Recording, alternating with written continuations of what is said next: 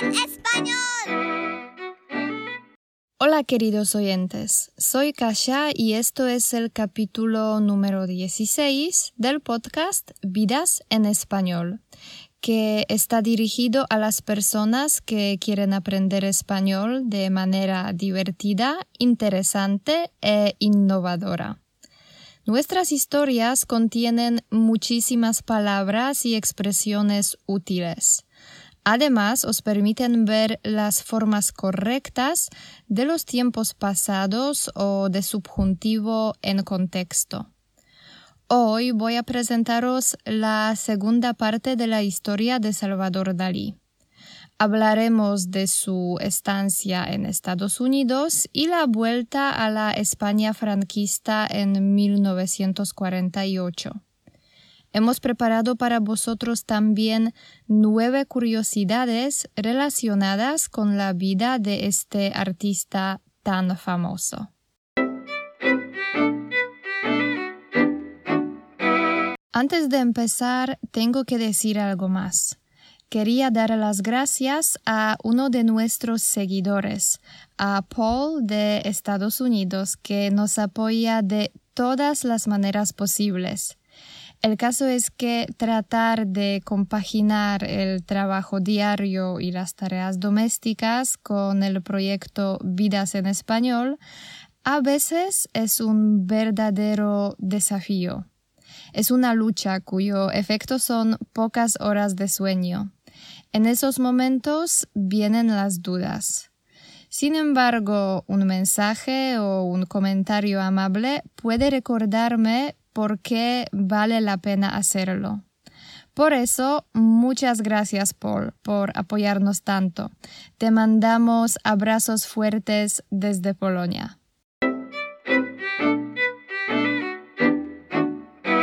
Tengo también un pequeño anuncio. Hace poco hemos publicado nuestro primer ebook de gramática titulado La gramática española de un nivel un poquito más avanzado, que contiene las explicaciones de diferentes temas de gramática de nivel A2 por ejemplo, el uso de los tiempos pasados, el modo imperativo o los pronombres de objeto directo e indirecto. Usando el código Vidas Oyentes podéis comprarlo más barato. Se escriben todas las letras juntas en minúscula. Bueno, ha llegado el tiempo de seguir con la historia de Dalí. ¿Estáis listos? Entonces, Empezamos.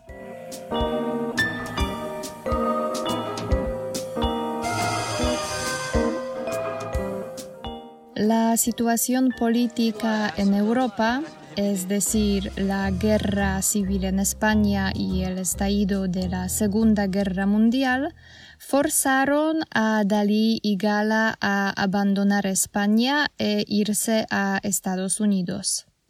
Se refugiaron en América en 1940 y pasaron ahí ocho años, durante los cuales el artista pintaba, pero también exploraba otras formas de arte. A Dalí le fascinaba el cine.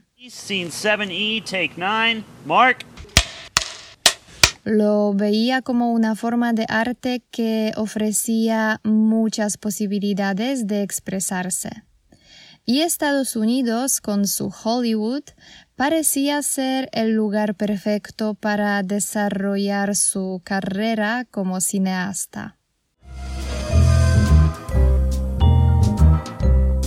No obstante, Los Ángeles no era como París. Ahí no se rodaban películas surrealistas. Por eso, a pesar de tener tanto éxito creando las películas con Luis Buñuel, en América Dalí no tuvo tanta suerte. Sus ideas y visiones eran demasiado abstractas y raras para aquella industria cinematográfica y no respondían a las necesidades de aquella audiencia. La idea de Hollywood no estaba basada en valores artísticos, sino en los beneficios que deberían aportar las películas a sus creadores. Por eso muchas personas le dieron con la puerta en las narices. Sin embargo, el artista español sí logró colaborar con dos personas importantísimas del mundo del cine. Alfred Hitchcock y Walt Disney. Para el primero creó una secuencia onírica para la película Spellbound. Dalí parecía ser la persona perfecta para esta tarea.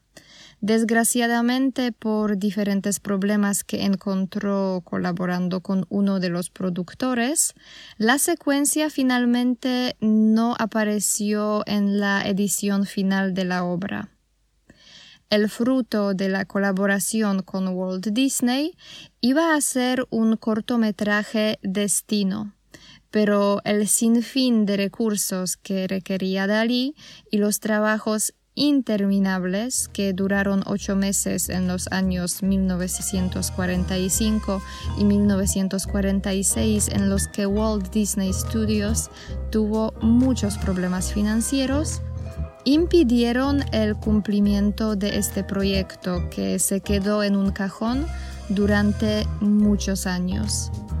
En 2003, el sobrino y sucesor de Walt Disney, Roy Disney, decidió retomar el proyecto. Así, por fin, Destino salió a la luz. Este cortometraje está lleno de símbolos propios de Salvador Dalí, como las hormigas, los teléfonos o los relojes, y está basado en las imágenes dobles o incluso múltiples, características del método paranoico crítico usado por Dalí.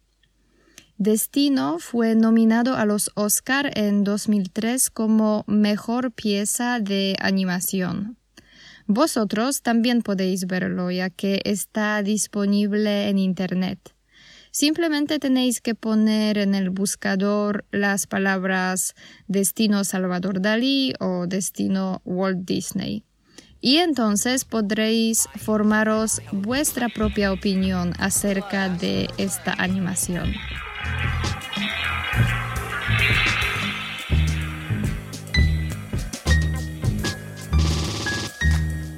En Estados Unidos, Salvador Dalí empezó a diseñar joyería y continuó durante los siguientes 30 años de su vida. En total diseñó 39 piezas. Por supuesto, no eran joyas corrientes. Dalí creaba joyas móviles. Eso quiere decir que contenían partes móviles, gracias a las cuales las piezas parecían moverse. Además de la pintura, el cine y el diseño de joyas, Salvador Dalí se dedicaba también a la escultura y escritura. En 1942, viviendo en Estados Unidos, publicó su autobiografía, La vida secreta de Salvador Dalí. Diseñó también vestuario y un escenario para el ballet Las Bacanales seguramente podemos decir que encarnaba al hombre del renacimiento del siglo XX.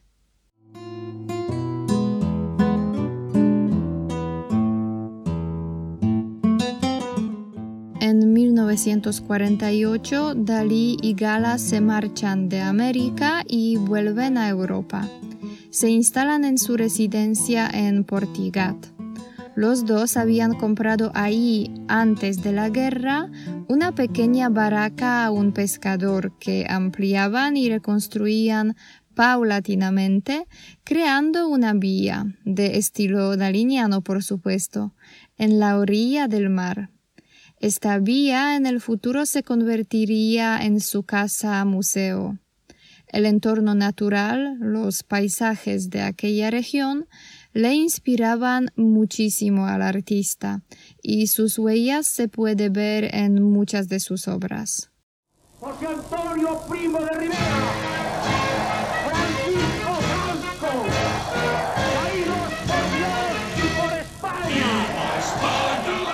Sin embargo, su regreso a Cataluña en tiempos de la dictadura franquista le trajo numerosas críticas e intentos de desprestigiar su obra. El pintor no parecía preocuparse por eso. Las opiniones de los demás le importaban un pepino.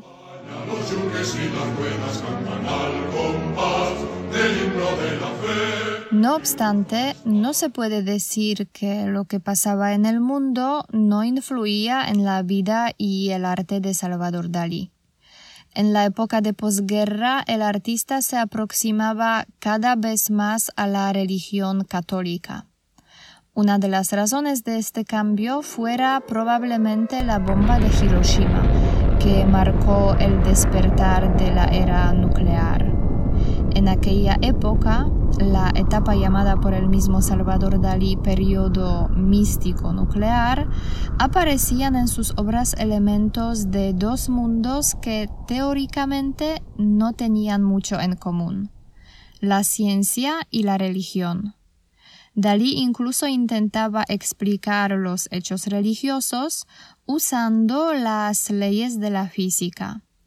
Las obras Crucifixión o El torero alucinógeno, entre otros, se incluyen en la etapa del misticismo nuclear.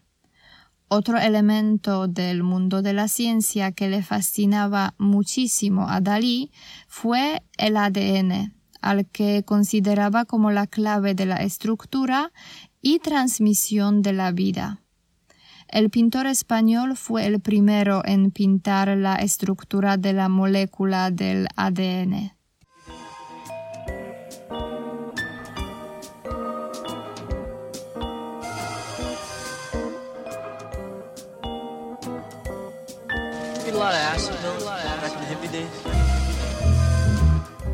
Durante los últimos 30 años de su vida, Dalí se implicó con diferentes actividades, digamos, extraartísticas. Uno de sus proyectos más importantes fue el Teatro Museo Dalí de Figueras, creado en el Teatro Municipal abandonado. Era un edificio del siglo XIX destruido al final de la Guerra Civil. Dalí dedicó mucho tiempo y esfuerzo a la realización de las reformas de esta construcción, que quería donar al pueblo que le vio nacer. El teatro museo hoy en día sigue abierto al público.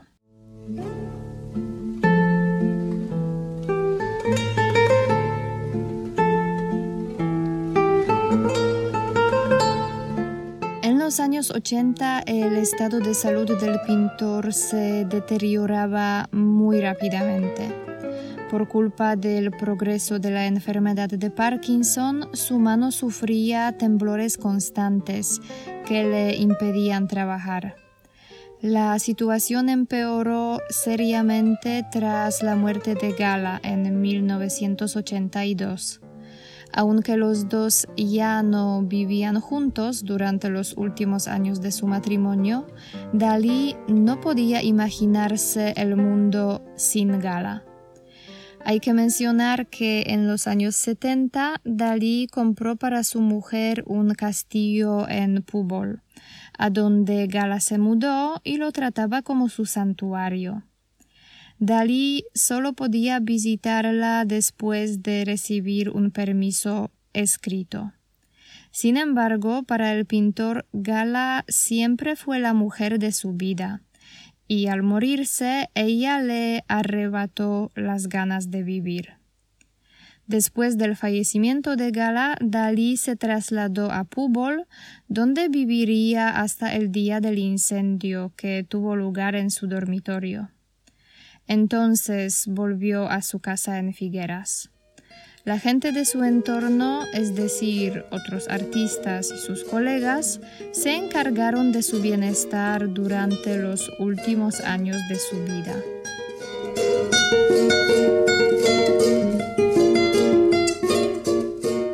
Antes de pasar a la última parte de la historia de hoy, en la que tendremos que despedirnos de Salvador Dalí, quería presentaros nueve curiosidades relacionadas con la vida de este extraordinario artista.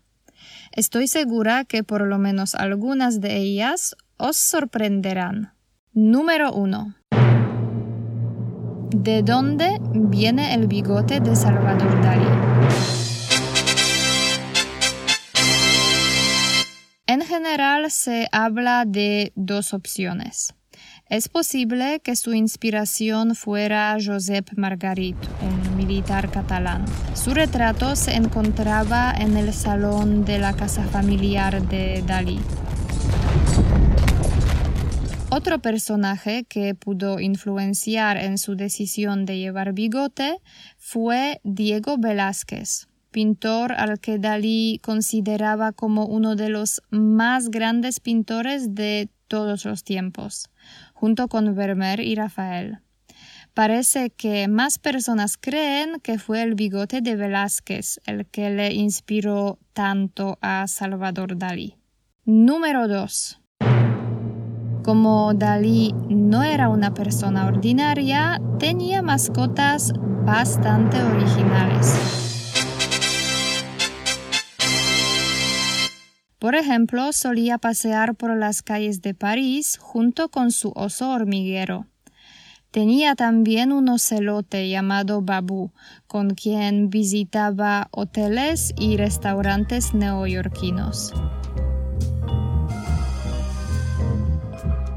Número 3. André Breton, queriendo insultar a Salvador Dalí, inventó para él un mote que, según el líder de los surrealistas, reflejaba perfectamente su amor al dinero.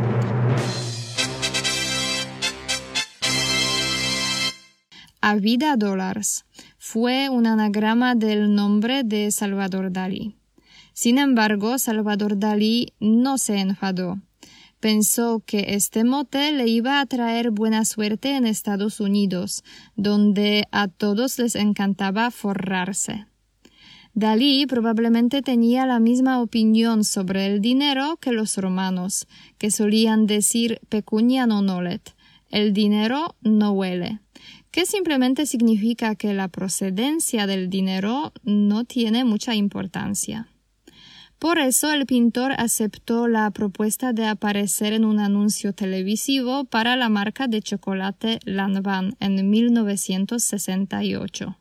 Un año más tarde recibió un encargo de una empresa española que pensaba en entrar en el mercado internacional y le pidió a Dalí que proyectara un logotipo para su marca. ¿Sabéis cómo se llama esta empresa? Se llama Chupa Chups. Sí, es Dalí quien diseñó el famoso logotipo en forma de margarita. Y lo hizo en un santiamén. Tardó solo una hora en realizar este proyecto por el que recibió unos enormes honorarios. Número 4. Se dice que la mujer de John Lennon, Yoko Ono, deseaba comprar un trozo del famoso bigote de Salvador Dalí. Sin embargo, el artista creía que Yoko Ono era como una bruja y no pensaba darle ninguna de sus cosas personales. ¿Qué hizo Dalí? Le envió a Yoko Ono una paja y cobró por ella 10 mil dólares. Número 5. Como os he dicho, Dalí era un artista vasto.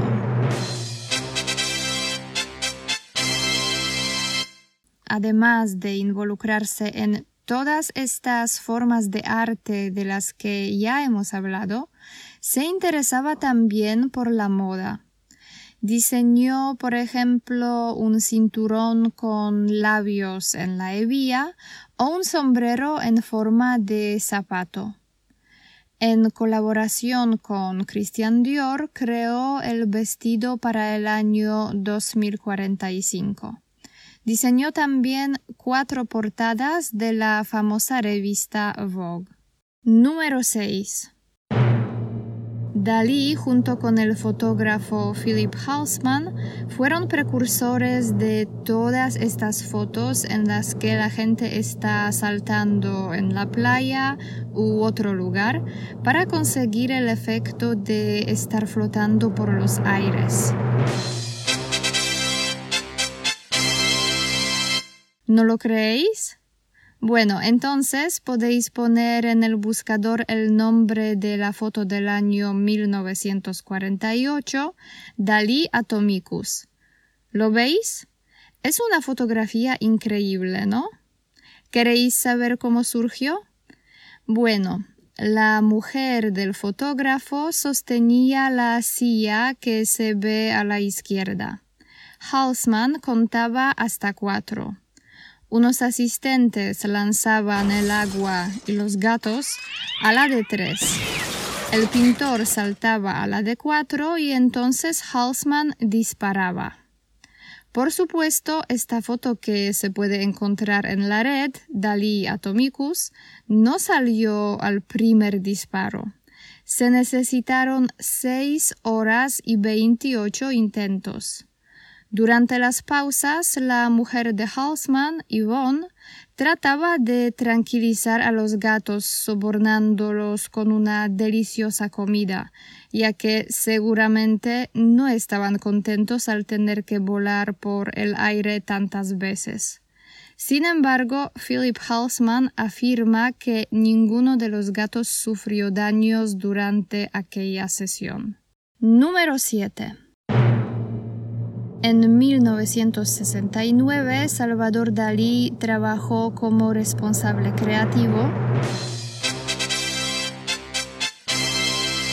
de la campaña publicitaria de Eurovisión. Diseñó una enorme escultura de metal que apareció en el escenario del Teatro Real de Madrid. Número 8. Como os he dicho antes, Dalí se fascinaba por la ciencia. Le fascinaban también los experimentos ópticos. No obstante, es posible que no sepáis que Dalí se metió en la holografía. ¿Y qué holograma creó? Eso es incluso más curioso. Su modelo fue una estrella de la música rock, Alice Cooper. Los dos artistas se admiraban mutuamente. Entonces, Alice Cooper, que tenía entonces 25 años, y Salvador Dalí, de 69 años, se encontraron en 1973. El efecto de su colaboración fue un holograma titulado Primer retrato cromo holograma cilíndrico del cerebro de Alice Cooper que proyectaba la figura del mismo músico sentado llevando joyas valoradas en más de millón de dólares, una tiara y un collar diseñados por Salvador Dalí. Detrás de la figura de Alice Cooper se podía ver el cerebro del propio músico una escultura de chocolate cubierta con hormigas. Hasta ahora probablemente os habéis dado cuenta de que las hormigas eran uno de los motivos favoritos de Salvador Dalí, ¿no? Número 9 es la última de las curiosidades relacionadas con la vida de Salvador Dalí que quería presentaros.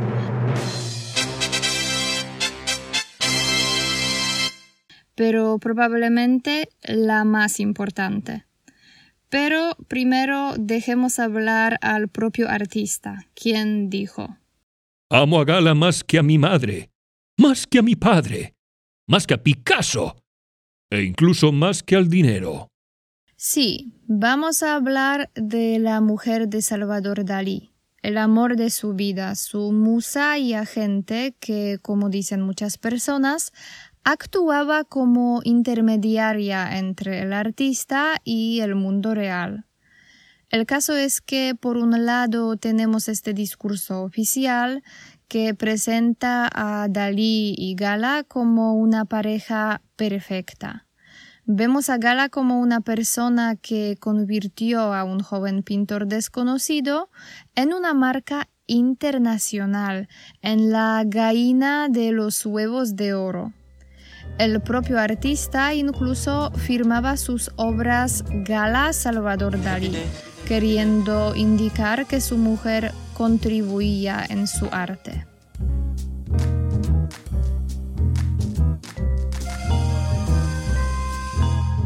Por otro lado, cuando tratemos de mirar algo escondido un poco bajo la superficie de esta imagen, veremos algo un poquito diferente. Varias personas del entorno de la pareja levantaron la liebre. Dijeron que Gala no era un pedazo de pan. Era una gala controladora que forzaba a Dalí a trabajar cerrándole en su estudio, ya que necesitaba dinero para poder tirar la casa por la ventana. Se dice que gastaba un montón de dinero en juegos de azar y en sus amantes.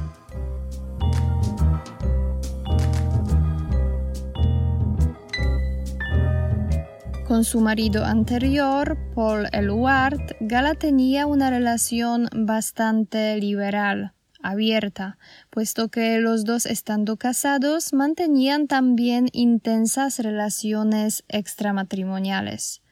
Estando con Dalí, Gala no dejó de hacerlo y el pintor no se quejaba, ya que el sexo en su aspecto físico no le interesaba probablemente por culpa de su padre que le asustaba con enfermedades venéreas.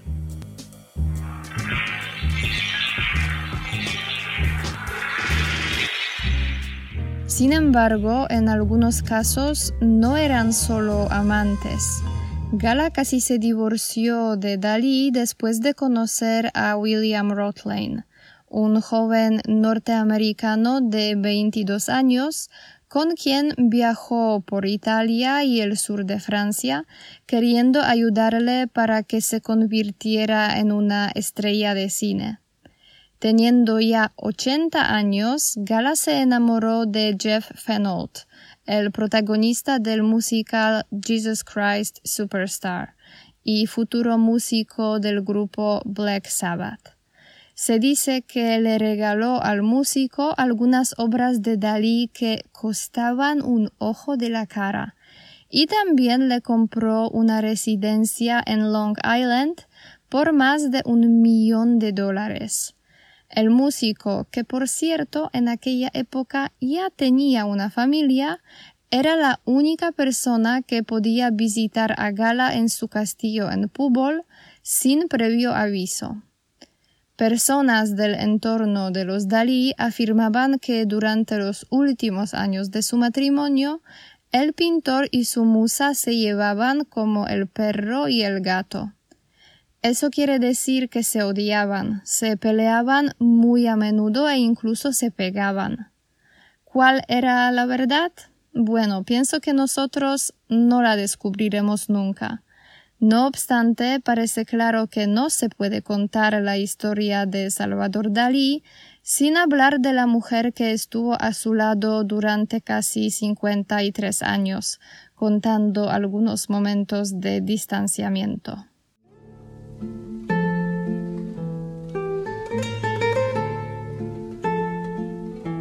Gala murió en 1982 y su muerte abatió muchísimo a Salvador Dalí. Se dice que el artista incluso intentó quitarse la vida varias veces.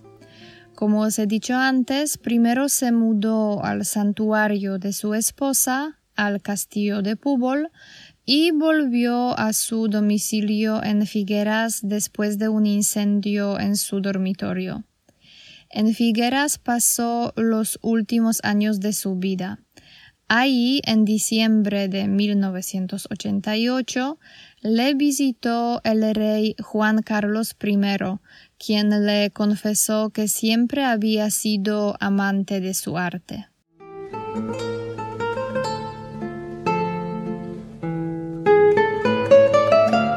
Salvador Dalí murió a causa de un paro cardíaco el 23 de enero de 1989, a edad de 84 años, escuchando su disco favorito, Tristan e Isolda de Richard Wagner.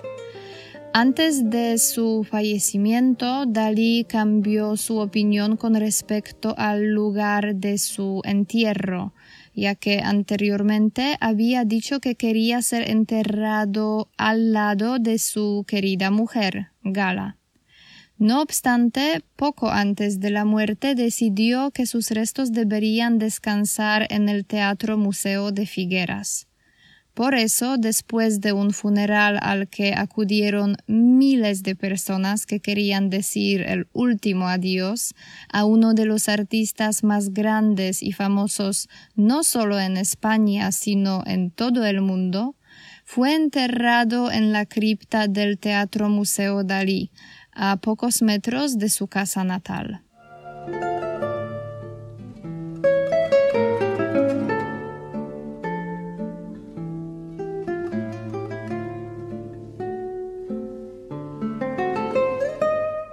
Aunque algunas personas dicen que Dalí era vago y por eso Gala tenía que animarle a trabajar, a veces usando medidas bastante estrictas, el legado del artista de Figueras muestra lo contrario, ya que Salvador Dalí nos dejó cerca de 1500 pinturas. Algunas de las más conocidas son La persistencia de la memoria, Los elefantes, La tentación de San Antonio, Metamorfosis de Narciso, Las jirafas en llamas o La última cena.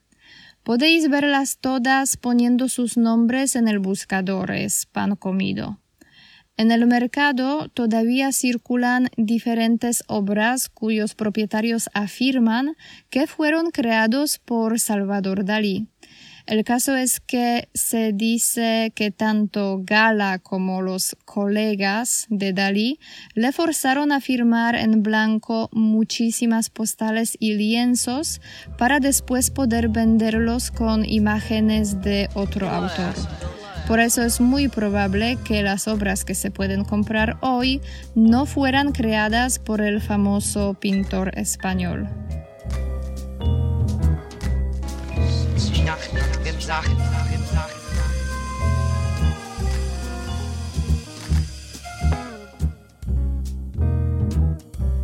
Aparte de los cuadros, Salvador Dalí creó también numerosas ilustraciones para libros, litografías, dibujos, esculturas, diseños escenográficos, vestuarios o joyas, y participó en diferentes proyectos relacionados con la fotografía y el cine. La mayoría de sus obras se pueden ver hoy en día en su teatro museo en Figueras y otras colecciones significativas se encuentran en el Museo Reina Sofía de Madrid o en el Museo de Salvador Dalí en Florida.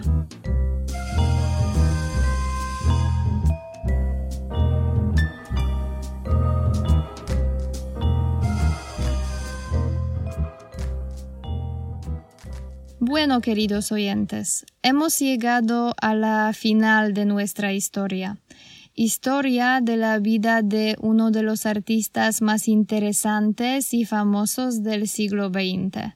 Por supuesto, antes de despedirme, me gustaría repasar un poco el vocabulario, explicar las palabras que pueden ser nuevas para vosotros y repetir las expresiones útiles que vale la pena conocer.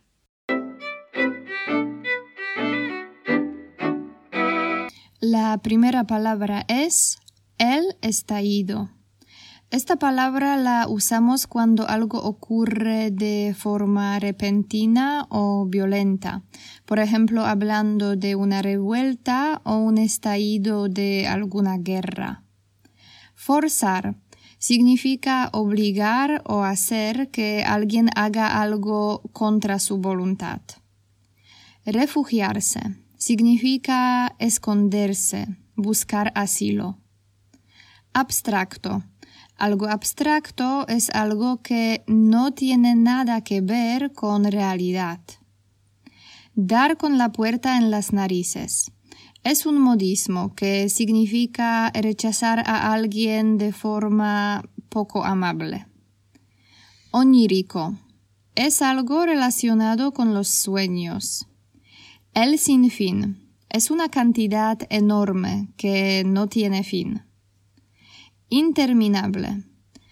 Es muy fácil. Algo interminable es algo que no termina, que no tiene fin.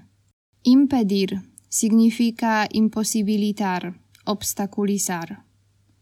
El cumplimiento es la realización de alguna tarea o algún deber.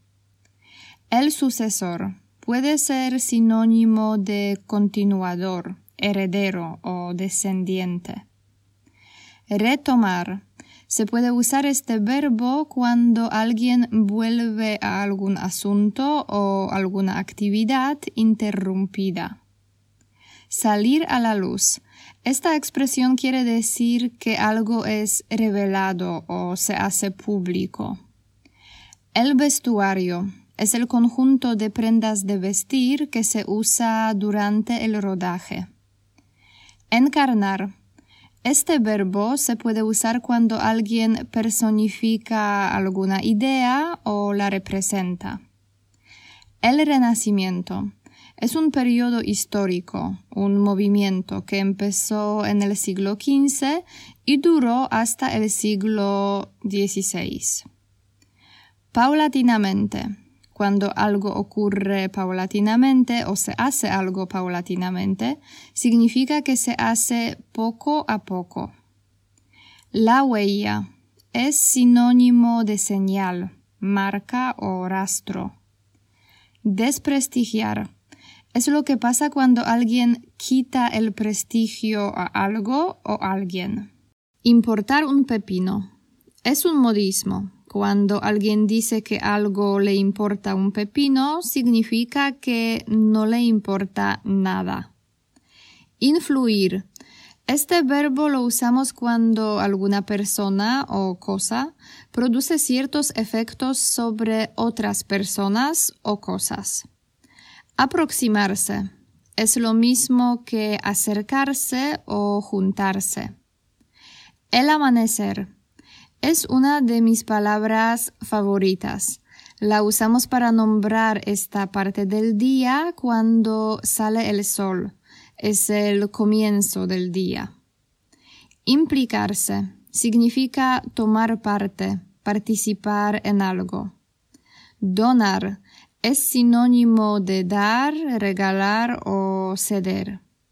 Deteriorarse es un sinónimo de los verbos empeorar, estropearse. El temblor es un movimiento leve, involuntario de alguna parte del cuerpo o de todo el cuerpo, que puede ser causado, entre otros, por el miedo, el frío o alguna enfermedad. El santuario en el contexto en el que he usado esta palabra en el podcast, cuando estaba diciendo que Gala consideraba el castillo de Pubol como su santuario, quería decir que era su refugio, su propio lugar sagrado. El incendio es un fuego grande que no está controlado. Encargarse es sinónimo de ocuparse. El retrato es un dibujo o una pintura o incluso una fotografía de alguna persona. Influenciar. Este verbo lo usamos cuando alguna persona o cosa produce ciertos efectos sobre otras personas o cosas.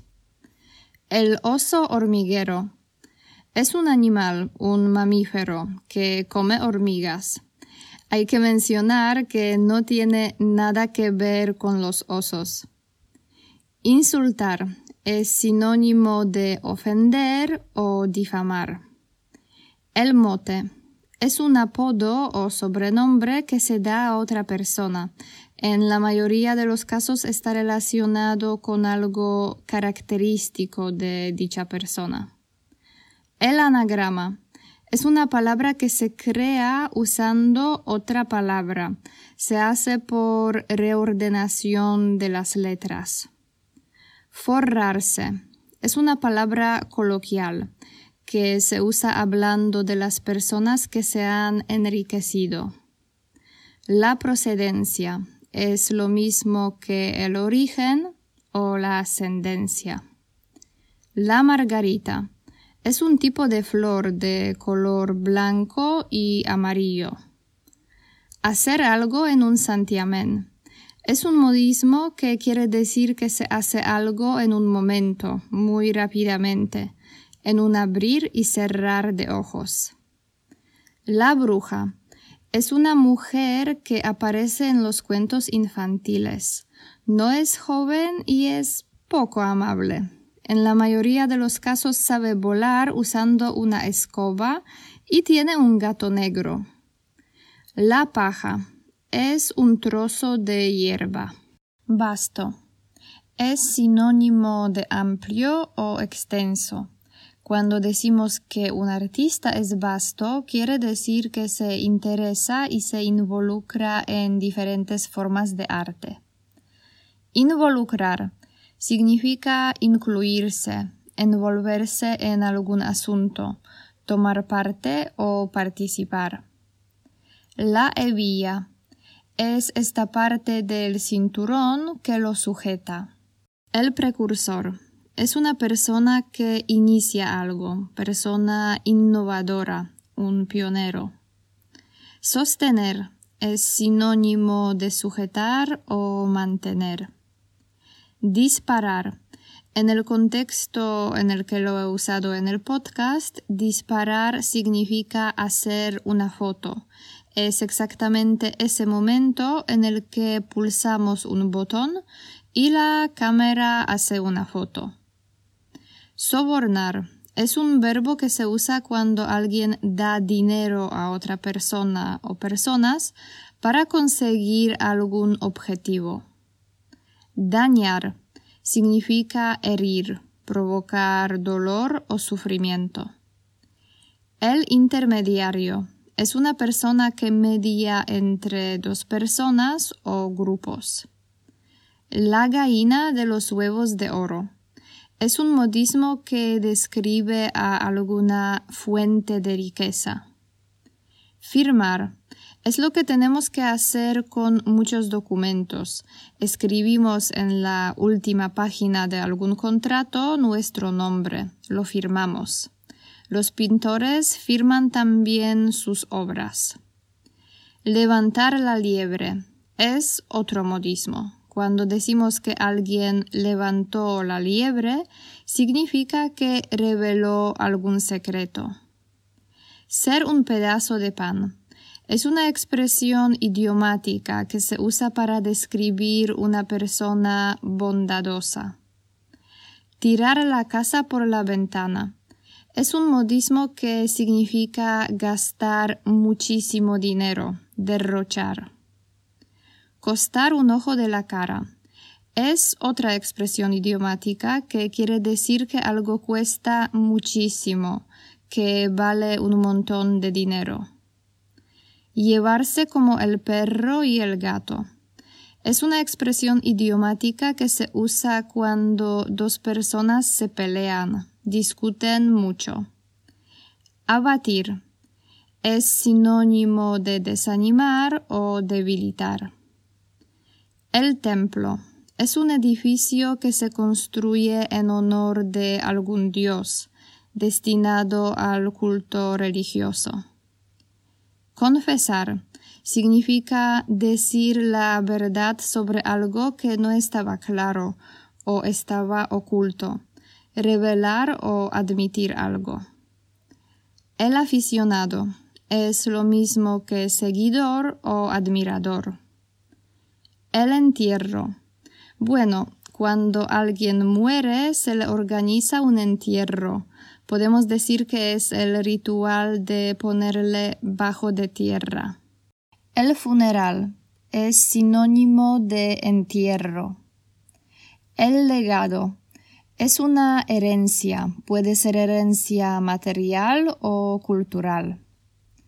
La tentación es lo que pasa cuando alguien o algo nos incita a hacer algo que por alguna razón se considera malo, pero al mismo tiempo es muy deseable. Ser pan comido. Cuando decimos que algo es pan comido, significa que es muy fácil. El propietario es el dueño o el amo. La llama es sinónimo de fuego o lumbre. El lienzo es la tela que se usa para pintar.